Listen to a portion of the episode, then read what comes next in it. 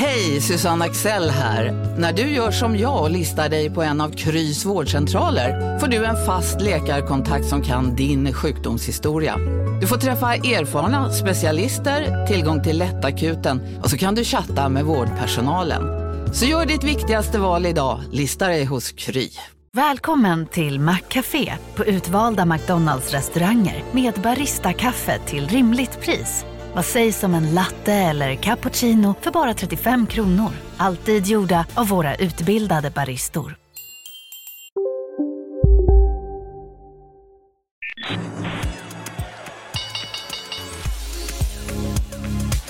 Det här är Affärsvärlden Magasin med Helene Rådstein.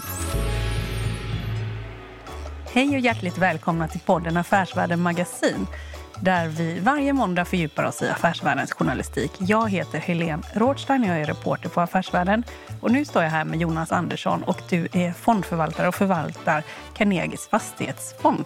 Tack för att jag får komma hit. Tack så mycket för att du är här. Välkommen. Nu sa jag fastighetsfond. Vad, heter, vad är det oh, officiella namnet? Carnegies fastighetsfond Norden. Nä, nästan rätt. Du, vi står här uppe i styrelserummet. Det är jättefint tycker jag. Eller vad säger du? Ja, det är jättefint. Det är bra utsikt och trevligt. Mm.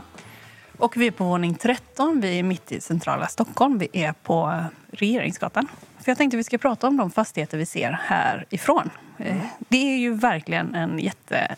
Liksom, man ser en massa takåsar. Vi ser det ut över hela Stockholm.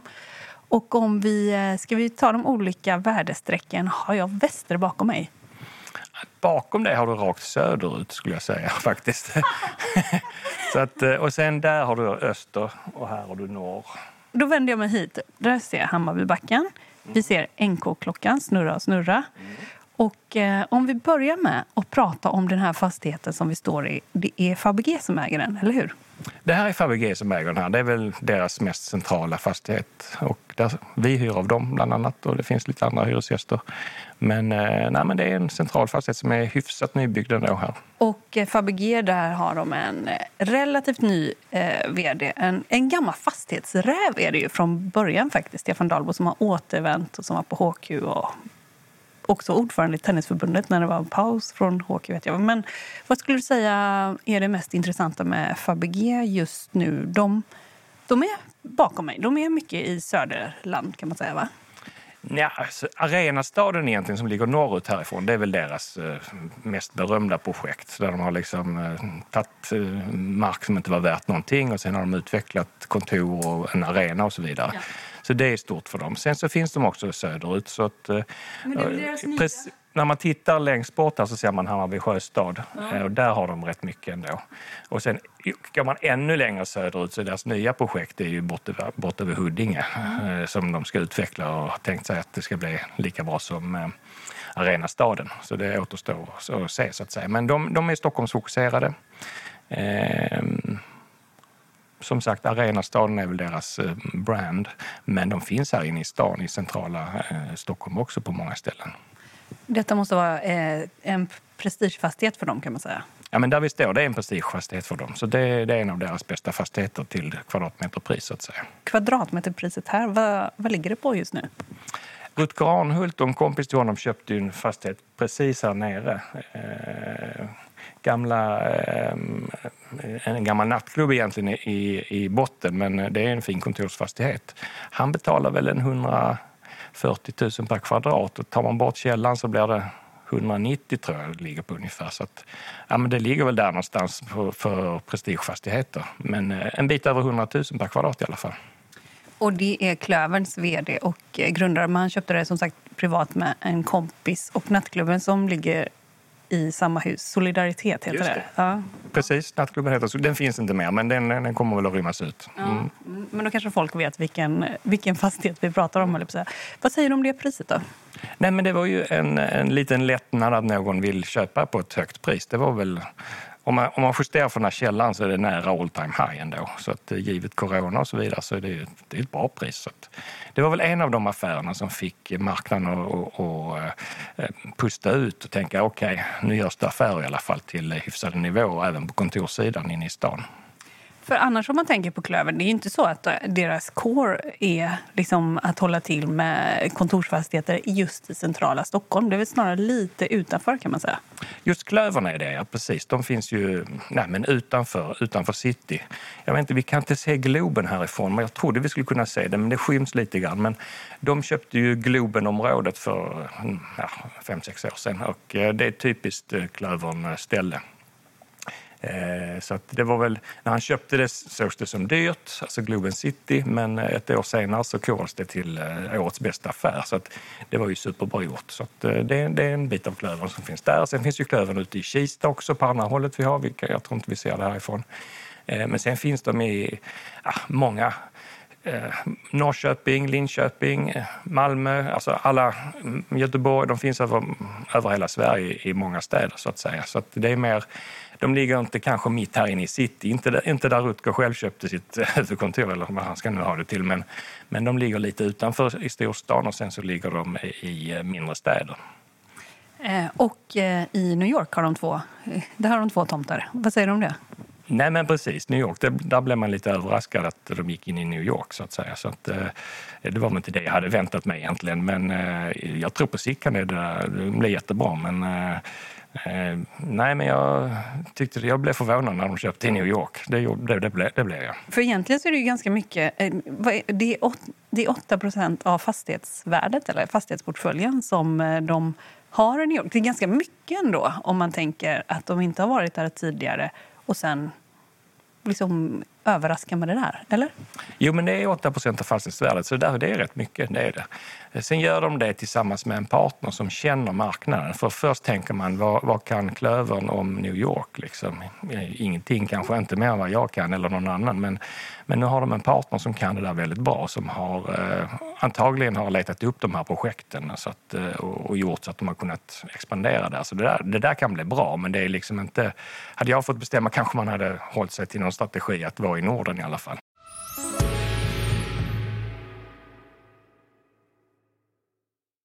Marknaden sponsras av SPP och Storebrand Asset Management. Eh, Storebrand och SPP hör ju ihop sedan många år och utan att gå in på detaljerna här och nu så kan jag i alla fall säga att Storebrand förvaltar över 1200 miljarder kronor, bland annat åt just SPP.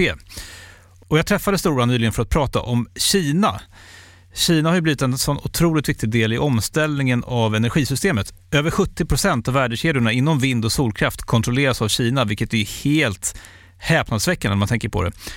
Och Det handlar om att Kina väldigt tidigt insåg att energi är makt och att man genom sol och vindkraft kan göra sig mindre beroende av att importera olja och gas. Then if you think that tomorrow or today's you know, power base is going to in a large part be about renewables, then obviously having a stranglehold on those renewables and all the technologies that go into it is going to be part and parcel of that power play. Det här är Philip Ripman som ansvarar för Storbrand Global Solutions, en fond som investerar i lösningsbolag över hela världen. Eh, den här intervjun om Kina och geopolitiken som liksom är invävd i den här globala omställningen eh, den släpper vi som ett bonusavsnitt i vår podd Kapitalet, alltså vecka 11. Mer information om Storbrand Asset Management det kommer vi få i kommande avsnitt, men man eh, hittar mer info förstås på storebrand.se. Men tack säger jag till Storbrand Asset Management. Du lyssnar på Affärsvärlden Magasin med Helene Rådstein.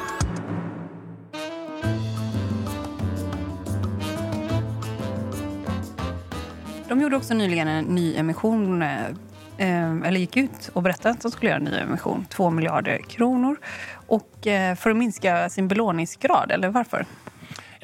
Huvudsyftet är nog att minska belåningsgraden. Sen så skriver de att de vill göra lite förvärv också. Men jag tror att framför allt är det att minska belåningsgraden lite grann. Det tror jag.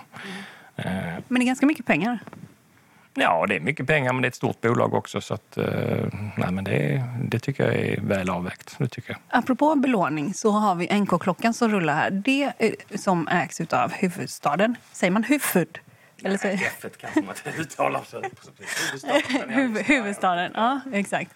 Um, och eh, det är ju inte särskilt belånat. Uh, kan man säga. Vad, och, men ändå så är det ju inte så... Jag vet inte hur marknaden värderar det. Hur skulle du säga att marknaden har värderat huvudstaden? Nej, men det är en låg värdering. Det är 30 rabatt på substansvärdet som huvudstaden värderas till. Och, eh, det har ju att göra med att man ser NK som en del av, av huvudstaden. Och visst, det är, de har ju NK i, i Stockholm och Göteborg och sen har de butiker i där de har kontor här i Stockholm på bästa läge, där har de ju ofta butiker i bottenplanet. Så butiker är en rätt stor del och det har ju varit något som alla har eh, sett har gått dåligt under, under coronapandemin. Så att, eh, det har de fått eh, stryk för. Det har de fått. Så därför, de, de värderas med 30% rabatt mot substans.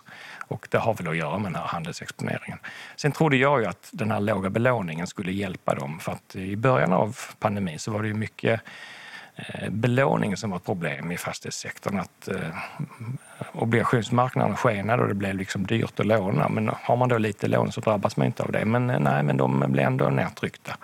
Och jag tror att lite grann är det symbol att man liksom ser NK som det, där, det, det är huvudstaden och liksom, där finns inga människor när man går förbi, eller gick förbi där i våras. Så då har de drabbats av det. Men lite grann har det blivit för mycket tryck på det tycker jag i förhållande till eh, vilken liten belåning de har och eh, att det faktiskt börjar komma igång lite grann också.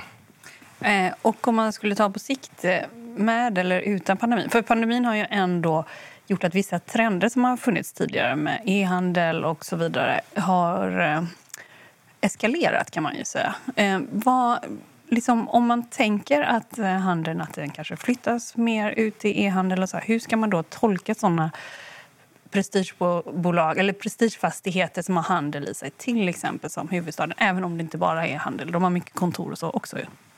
Man ska, ja, man ska tolka, jag tror alltid det kommer att finnas handel i city. Och, det är som den här portokurvan. Alltså allra dyraste och allra billigaste är de som överlever. Så att eh, huvudstaden, eh, affärerna där, det är ju Mm, det är dyra. Det är liksom topline av allting. Eh, på sikt kommer det att överleva tror jag. Eh, även om eh, internethandeln tar mycket andelar så kommer det ändå finnas. Men visst, det kommer inte bli som innan. Så jag tycker det, det, är liksom, det är klart att det ska vara en rabatt på det här bolaget, så är det. Men jag tycker 30% rabatt på substansen är väldigt mycket. Och i och med att de inte har någon belåning så blir det nästan 30% rabatt på deras fastigheter. För om man ska utveckla det med belåning så spelar ju det ganska stor roll när man ska göra förvärv och sådär. Eller varför är det så viktigt med en belåning i fastighets världen. Alltså det är det ju överallt. Men varför just vad det gäller fastighetsbolag? Nej, men man kan ju vara helt obelånad. Det är många institutioner som har obelånade fastigheter. Men eh, på börsen om man har ett bolag som inte är belånat, det blir ju inte riktigt samma utväxling och nyckeltalen ser inte riktigt lika bra ut. Så att för att få det lite sexigare får man säga att har man ofta belåning. Så att säg att du har 50% belåning, då får du ju liksom en hävstång och får bättre nyckeltal. Så är det ju. Ju lägre belåning du har, desto billigare är det ju att låna. så att säga. Så är det ju, men det finns ju en anledning. Men, eh, så att det är därför som belåningen har kommit ner i många bolag. Så att man kanske låg på en 60 procent innan i belåningsgrad och så tyckte jag att det där är lite för mycket och då får ni betala lite dyrare på lånen. Så att nu har många kommit ner till under 50, kanske närmare 40 procents belåning och då helt plötsligt så nej, men då får man en bra rating på obligationsmarknaden och kan ge ut bonds till till bra ränta, låg ränta. Och bankerna är nöjda så att säga. Så man lite grann anpassar man efter det. Man, man har så mycket lån tills eh, det liksom, får man bra betalt eller kan man låna till bra ränta så liksom, det bestämmer rätt mycket. Så, så bankerna och obligationsmarknaden sätter en gräns hur mycket man eh, kan belåna sig så att säga. Den är ganska sådär lite meditativ NK-klockan tycker jag. Ja, men den är bra. Är den inte det? Jo. Men där bygger man om som tusan också ju. Jag tycker de ser lite kvalificerade ut. Ja, utifrån härifrån sett ser det faktiskt. Eller hur? Ja, där är lite rostgrejer på. Ja, men visst, jag håller med Jag håller med Och eh, om vi tittar här lite längre bort så ser vi Berzelii park. Och där är det faktiskt Erik Selins eh, Balder som äger Berns. Just det, stämmer. ja. Jag blev lite förvånad faktiskt när jag fick veta att, han, att det är han som äger Berns. Jag trodde nog att det var Stureplansgruppen, men så är det verkligen inte.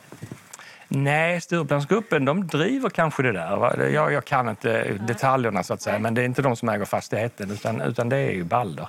Mm. Eh, nej, men de har ju lite hotell och sådana.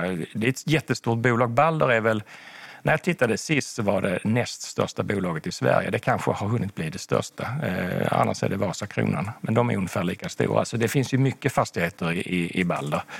Eh, det, är, det är väl knappt 150 miljarder i fastigheter. Så att, Eh, nej, men de äger hotell bland annat. Det är en liten del av, eh, av Balder. Mest är det ju bostäder. 60 procent är ju bostäder i Finland och Danmark och Sverige. Och ändå så har de inte riktigt hängt med i den här... Alltså när börsen har prisat bostadsbolagen så har de ändå inte riktigt hängt med. Beror det på att de också har Finland och Danmark i fastighetsportföljen? Jo, men det gör det. Eh, nu har ju Balder kommit upp senaste veckan kanske lite grann, men fortfarande hänger de inte med de här rena bostadsbolagen. Nej, men det beror på att de är i Finland och Danmark och där är det ju mer, det är inte riktigt marknadshyror, men det är mer marknadshyror. Här i Sverige är det nästan bara reglerade hyror. Så att det, det är lite skillnad. När man liksom, coronapandemin drabbar oss, tycker man vad är säkrast i världen? Ja, men det är svenska hyresrätter som, som där hyrorna inte kan gå ner i stort sett. Eh, så därför tycker, handlade börsen upp det.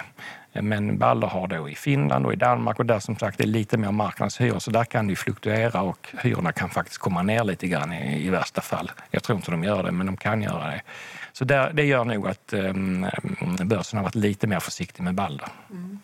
Och det är ju då Erik Selin som är vd och eh, grundare av Balder. Vad skulle bolaget vara utan honom? Nej, men han är jätteviktig, så att eh, det är ju en av huvudanledningarna att jag uh, har köpt in mig i Balder. Uh, fonden jag förvaltar har drygt 9 procent av, av innehaven är i Balder, så att säga. Så att, nej, men Erik Selin är jätteviktig. Ja, för det finns ju någon slags eh, liksom, opportunism när man ser på Balder. Att de verkar liksom slå till där man kan göra lite billiga affärer. Men det är ganska svårt att fatta... Eller, det är inte helt tydligt att förstå liksom, det här är affärsplanen framåt. Det här är, utan där uppstår liksom, eh, tillfällen, där slår de till kan man säga. Och då verkar han vara ganska styrande där, eller? Ja, nej, men de är opportunistiska och han får liksom, eh, förslag på sitt bord varje dag. Och han tar det som ser intressant ut. Sen må det vara liksom hotell ibland, det kan vara kontor ibland, det är bostäder ibland eh, och så vidare. Så att, eh, nej, han utvärderar alla typer av fastigheter i stort sett. Mm. Vad som är billigt. Han är också med i ett annat litet logistikfastighetsbolag som eh, de före detta Victoria Park, de som drev Victoria Park kan man säga och ägde och var vd där. Greg Dingesian och Strand heter han i efternamn vet jag i alla fall. Vad tror du om logistikfastighetsbolag här framöver? Ja, men logistik eh, det är, ju, det är ett bra segment. Eh, och lite grann kan man säga att det gynnas ju av e-handel, eh, att vi handlar allt mer på e-handel. Så liksom den biten, den tror jag den är jätteintressant. Sen har man sett på börsen att många av logistikbolagen har ju varit eller blivit väldigt högt värderade. Så att det är alltid en avvägning av, av att, ja, jätteintressant segment, så tittar man på börsen, hur värderas det? Men till en vettig värdering så, så vill, jag, vill jag gärna ha den typen av exponering. Så, så det, jag tror det var 2022 pratade de om att det skulle eventuellt vara någon notering. Så det hade kunnat vara ett alternativ eh, för dig när de när det blir aktuellt? Jag har inte tittat på det bolaget överhuvudtaget. Så att, men visst, alla, alla fastighetsbolag eh, i Norden som kommer till börsen tittar jag på när det väl blir dags att mm. utvärdera. Så att det kan vara... Mm. Mm. Eh, för om man då tittar, de håller till nere i, nere i Skåne, där du kommer ifrån. och jag med faktiskt. Alltså finns det också mindre logistikfastighetsbolag som håller till i norra Sverige. Då är det MP3 Fastigheter till exempel. Eh, du har lite, lite utav dem, men inte så mycket. Varför? Jag har lite av dem, men jag tycker de är jätteintressanta. Det är inte bara logistik får man ändå säga, men det är lite allt möjligt. Men eh, jag tyckte att de var lite dyra, så att, eh, jag har varit lite lugn i mina investeringar där. Och som jag sa, generellt sett så tycker jag att logistikbolagen kanske har fått lite väl eh, stor premie på börsen. Mm. Så därför så, jag tycker de är jätteintressanta, men de är för dyra, många av dem. Så det, det, det är ungefär så. Man kan också se ett tecken i tiden är väl att Wihlborgs sålde sina logistik, eller en del av sina logistikfastigheter i Malmö för bara någon vecka sedan. Mm. Eh, och, eh, varför skulle de göra det om, om de inte fick snuskigt bra betalt? så att säga? Det, det ser jag inte någon anledning. Så att det finns köpare där ute som är villiga att betala rätt mycket för logistikfastigheter, det får man ändå säga. Men eh, Eh, de traditionella svenska fastighetsbolagen tycker kanske att priserna har blivit lite väl eh, höga så de är villiga att sälja. Man drar en slutsats av den affären i alla fall. Du lyssnar på Affärsvärlden Magasin med Helene Rådstein. om man ser till en hotellfastighet och vi säger att den marknaden faktiskt inte kommer tillbaka, vi hittar på, på fem år, säger vi. Vad, vad kan man göra med en hotellfastighet? Ja, man skulle kunna göra om dem ju till bostäder, det skulle man kunna göra. Men eh, jag tror ingen kommer att göra det ändå. För att det, det, är lite, det är ett stort ingrepp och de har rätt så höga ingångsvärden på de där hotellen så att säga. Men, men, men på sikt skulle man kunna göra det ändå. Men man, man kan också göra eh, liksom, kontorshotell av det kanske. Mm.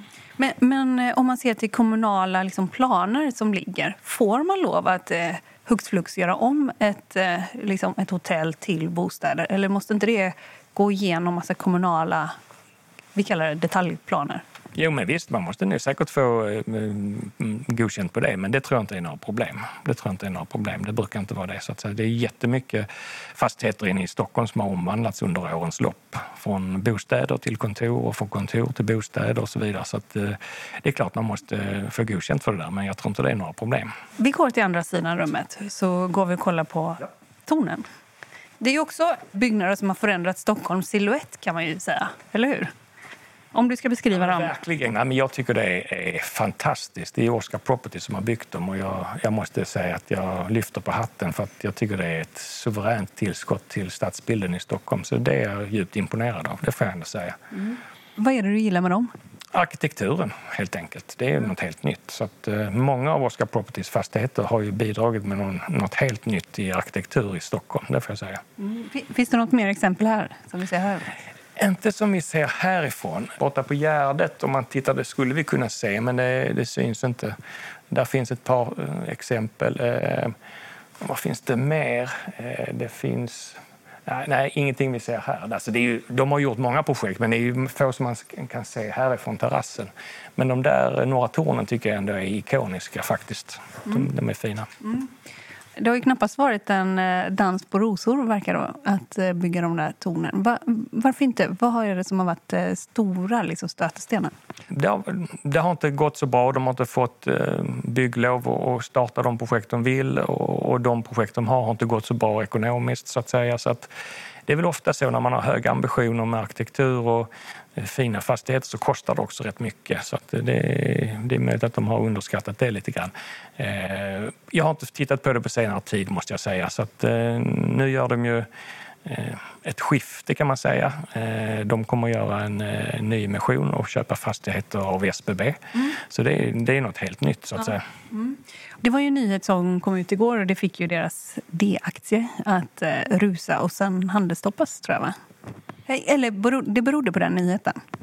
Båda, både stamaktien och D-aktien rusade, ja, precis. Ja. Och det berodde på den nyheten. Men, eh, eh så jag, jag, vet inte riktigt varför D-aktien stoppades. Den gick kanske upp för mycket. Men, men eh, det har ju blivit en frimärksaktie egentligen. Den är så lågt värderad. Den handlas under en krona. Liksom, och, eh, den har ju för, för, för, inte så länge sen så var den liksom tio gånger högre. Så att, liksom att den går upp 50 procent på en dag, det, det är jättebra men den kommer från ett läge där den har liksom fallit hur mycket som helst under ett par år.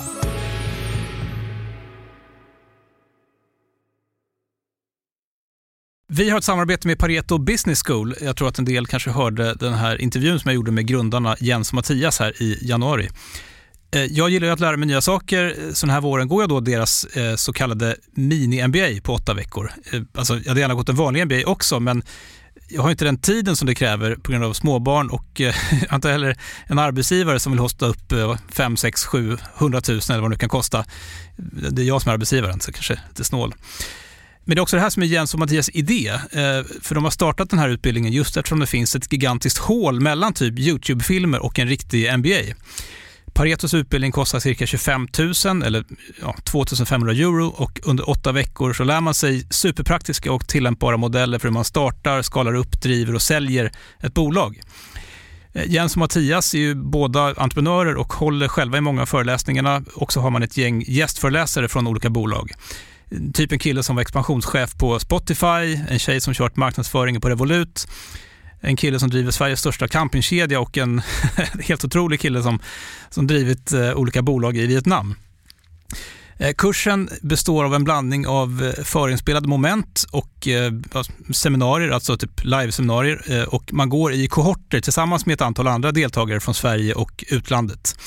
Det är supernyttigt, väldigt tidseffektivt och funkar jättebra både för den som vill driva en egen verksamhet, eh, som jag då, eh, eller för den som driver affärer och projekt internt då i större bolag. Nästa kohort startar den 5 april, så vill du ta ett kliv framåt i karriären, gå till din arbetsgivare och kolla om du inte kan gå den här utbildningen i vår. Priset ligger på 2 500 euro, men ni får 10% rabatt om ni anger Monopol Media som referens när ni anmäler er till kursen. Och Det gäller också dina kollegor förstås. Så gå in och kolla på paretoschool.com. Där finns mer info om kurserna och eh, också lite smakprover från utbildningen om man vill känna eh, lite hur, hur det känns. då. Så missa inte den här chansen att lära dig nya saker och eh, ja, ta ett kliv i karriären och träffa andra likasinnade. Men tack säger jag till Pareto Business School. Du lyssnar på Affärsvärlden Magasin med Helene Rådstein. Vore det kul med lite fler skyskrapor och torn? Tycker du generellt? Ja, det tycker jag. Fast jag tror att det finns en stadsarkitekt och en stadsplan som säger liksom att kyrkorna måste man kunna se i kyrktopparna. Så, liksom, så får inte lov att byggas utan bort. Jag får bara fråga en sak, apropå torn då. Eh, vi har ju andra torn som är här mycket närmare. Kungstornen, ja precis. Ja. Men om man tänker på torn, eh, det har ju varit massa problem att bygga torn. Om man tar så här, Turning Torso var ett problem och sen så har vi ju Ola Serneke i Göteborg och sen så har vi Karlatornet. Vad är det med torn som är så... Är det svårt att uppskatta kostnader med? Eller vad, är det något med torn? Nej, men du är inne på rätt spår. Alltså jag tror ju, när man bygger såna här spektakulära byggnader så är det ju alltid svårt att uppskatta kostnaderna och ofta blir det mycket dyrare. Det har ju hänt i Turning Torso och så vidare. Så att det är, det är inte liksom vanlig plain vanilla. Vanligt liksom om man ska bygga ett hus på liksom sju våningar så har man gjort det tusen gånger. Det, det händer inte så mycket, kan inte gå så mycket fel. Eh, när man bygger ett hus som har en annan arkitektur och liksom är lite högre så är det oftast att liksom det blir lite andra saker som man inte har tänkt på och vi är inte vana vid det heller. Det är liksom, ja, eh, vi har, vi har ingen stor vana av att bygga så många torn i Sverige. Nej, men så är det. Alltså, I New York är ju allting skyskrapor och här i Sverige de flesta husen rätt så låga. Så att, eh, dels har vi inte någon vana, så liksom, då kan man inte förutspå, förutspå exakt hur det kommer att gå och vad det kommer att kosta kanske. Men eh, om vi kollar ut här, när du tittar ut här runt så här, vad, liksom tänker du, oh, här är det det här fastighetsbolaget, här ser jag det, där är Lidingö, John, Mats, vad heter han? John Mattsson. John Mattsson har sina bostäder där, ja precis. Mm. Och det är där borta. Mm. Och om du tittar här, liksom, vad, mm. vad, ser du? Men här inne i stan så liksom, man kan väl säga under de senaste tio åren har väl centrum förskjutits lite grann från den gyllene triangeln som är borta vid eh, Birger och Biblioteksgatan och Norrmalmstorg. Mm. Sen har det förskjutits hit mot Regeringsgatan så att eh, det är faktiskt en, ja, de flesta vill faktiskt hellre vara på Regeringsgatan nu om man ska köpa fastigheter. Så det är många eh, som vill ha den här typen av exponering och då liksom sitter jag förskjutits lite hitåt. Så här finns, det finns många olika fastighetsägare här. Många stora institutioner, många tyska fastighetsfonder och så vidare som, som äger här. Så det är blandad kompott. Men som sagt, där vi står är ju Fabege och sen har ju eh, ja, det finns Vasakronan som sålde den där innan tidigare. Så det finns lite allt möjligt här. Och Stureplan har vi här liksom till höger om oss kan man säga, mm. om man tittar ner där. Mm. Ehm, det var nog Saudiarabisk ägare eller? Precis, det är en Saudiarabisk ägare till hela Stureplan, eller den biten som är så att säga österut från Stureplan till. Så att de håller på med planer på att renovera upp det där och, och så vidare och göra om det, men det har förskjutits, förskjutits i flera omgångar så jag vet inte riktigt när det kommer att göras faktiskt. För annars om vi ser till centrala stan, eh, hur, hur ser det ut så här ägar mässigt. Där är det eh, från... vad heter de? Vet du? Kommer du ihåg? Eh, Abu Dhabi Investment, tror jag. AIDA eller någonting. Ja. ja. Eh, där har vi de från Saudiarabien. Hur ser det annars ut, liksom ägandet av stan? Är det eh, tyska, svenska pensionsfonder? Vilka är det? Nej, men det är mest pensionsfonder här inne i stan och sen är det privatägt också. Men, eh, nej, men Vasakronan har ju en del här. Eh, de stora AMF och AFA eh, äger en del här och så vidare. Så det, är, det är rätt spritt. Huvudstaden äger mycket borta, eller de äger mycket här i city. Mm. Du sa tidigare ungefär att eh, logistikbolagen är något övervärderade. Och om jag förstår dig rätt så tycker du också att man har överreagerat på till exempel huvudstaden. Alltså börsen har överreagerat där. Och kontorsfastigheter, vad säger du då? Nej, men eh, det, det faller i den baggen som huvudstaden att börsen har överreagerat lite på kontorsfastigheter. Börsen har handlat upp bostadsfastigheter. Det, det, det är fine och jag liksom, det tycker jag är rätt. Man har handlat ner hotell, man har handlat ner butiker. Det tycker jag också är rätt. Men just kontorsfastigheter har man också handlat ner rätt mycket och jag tycker att det är en lite överreaktion måste jag säga.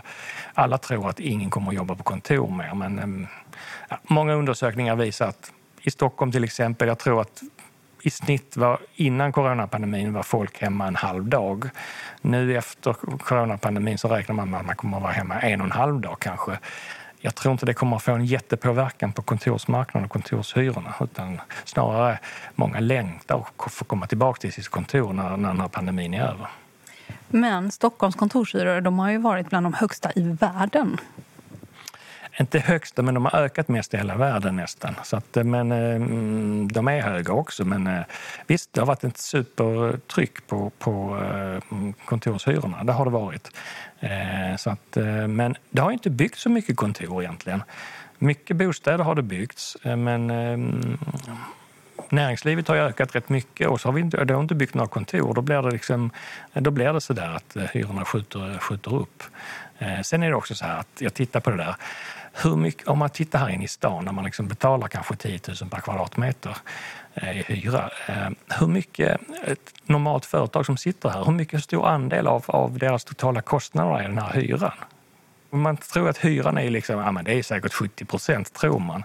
Ja men då gissar jag lågt då, 20? Nej men det är mycket lägre. Det, alltså, det finns bolag här som har lägre än 5 procent av deras totala kostnader, är hyran. Förstår du då att liksom, det spelar ingen roll om hyran är 8 000 eller 10 000. Man måste sitta i city för att få behålla sina medarbetare och det är lönerna som är den stora, löner och sociala kostnader är den stora biten. Även om hyrorna har gått upp jättemycket så är det fortfarande, för många av företagen här i city så är det ändå fortfarande en liten del av deras kostnadsmassa. Det kanske man inte tänker på. Nej, nej. Ett fastighetsbolag som jag vet att du har eh, köpt in dig, som du köpte i början av året i Wallenstam. Mm.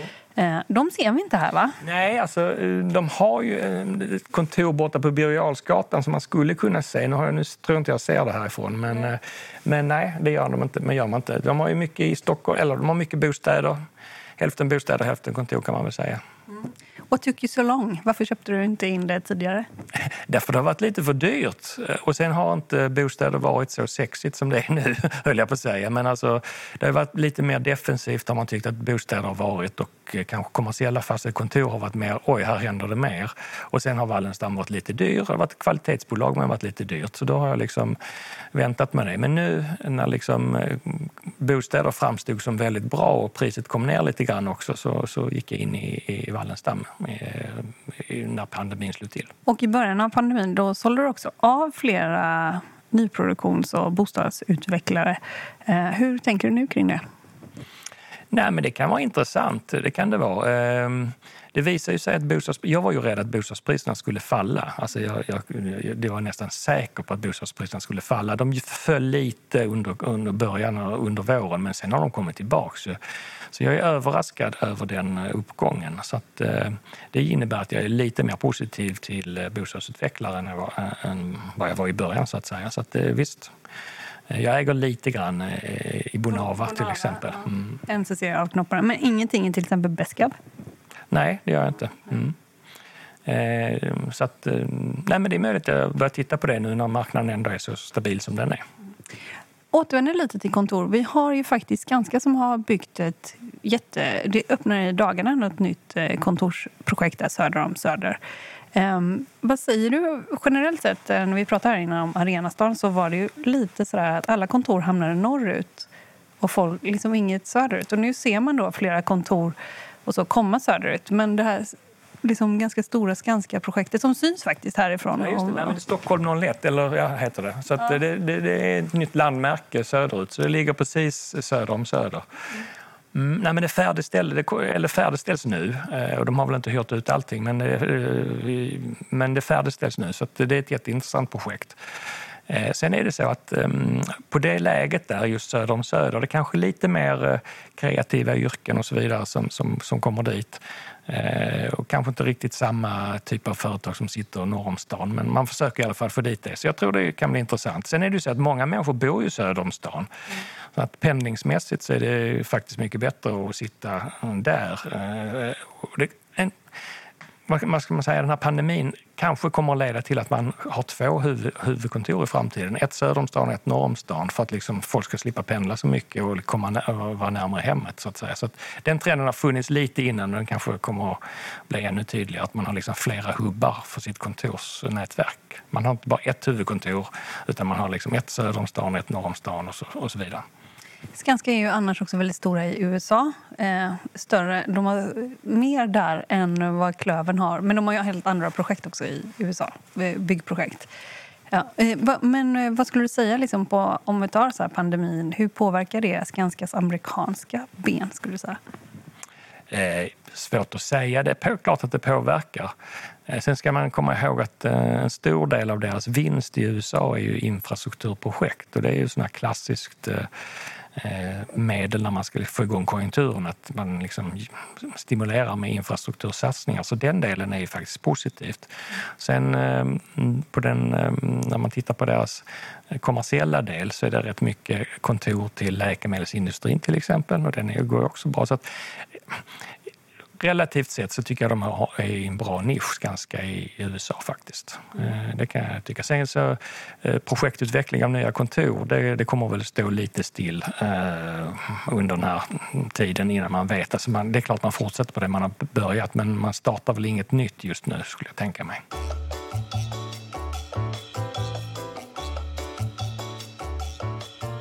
Du själv kommer från, jag säger söder om Malmö, ja. Höllviken. Mm. Ja. Eh, och eh, faktiskt Malmö är ju med omnejd och också hela Höllviken ner, liksom från Malmö neråt. Där har det ju hänt väldigt mycket. Finns det något projekt där som du tycker är, detta ska man verkligen ha koll på nu? Det här är jätteintressant som händer i Malmö till exempel. Oj, vilken svår fråga. Det var ju länge sedan jag var i Malmö, men eh, det där är ju Vilborgs land till exempel. Eh, så att, eh, hamnen i, i, i, Malmö har ju utvecklats under tio år jättemycket, så det är en ny stadsdel där som egentligen är nya centrum. Så gamla centrum har blivit mindre attraktivt och nya centrum liksom, eh, längs med vattnet på olika ställen är, är jätteintressant. Sen så är det alltid så att det liksom, när det byggs rätt mycket så kanske man håller hyrorna nere lite grann. Men, eh, men eh, det har inte varit något jättestort problem. Men, men, men man får ändå vara försiktig med sånt där. Men, men jag tycker det är intressant. Hela, eh, hela liksom kuststräckan i Malmö har liksom, håller på att utvecklas. Där ligger ju den här Turning Torso också som, som du pratade om tidigare. Mm. Jag säger tack till dig, Jonas Andersson, som förvaltar Carnegies fastighetsfond, för att jag fick komma hit. Tack för att jag fick vara med. Du har lyssnat på podden Affärsvärlden Magasin som utkommer varje måndag. Mer information och mer nyheter och aktieanalyser finns på affärsvärlden.se. Och vi har också en annan podd som heter Affärsvärlden Analys som jag tycker ni ska lyssna på. Och de som är intresserade av att sätta saker och ting i en vidare kontext vad gäller näringslivet och samhället i stort. Ni ska också lyssna på Bokpodden som vi har.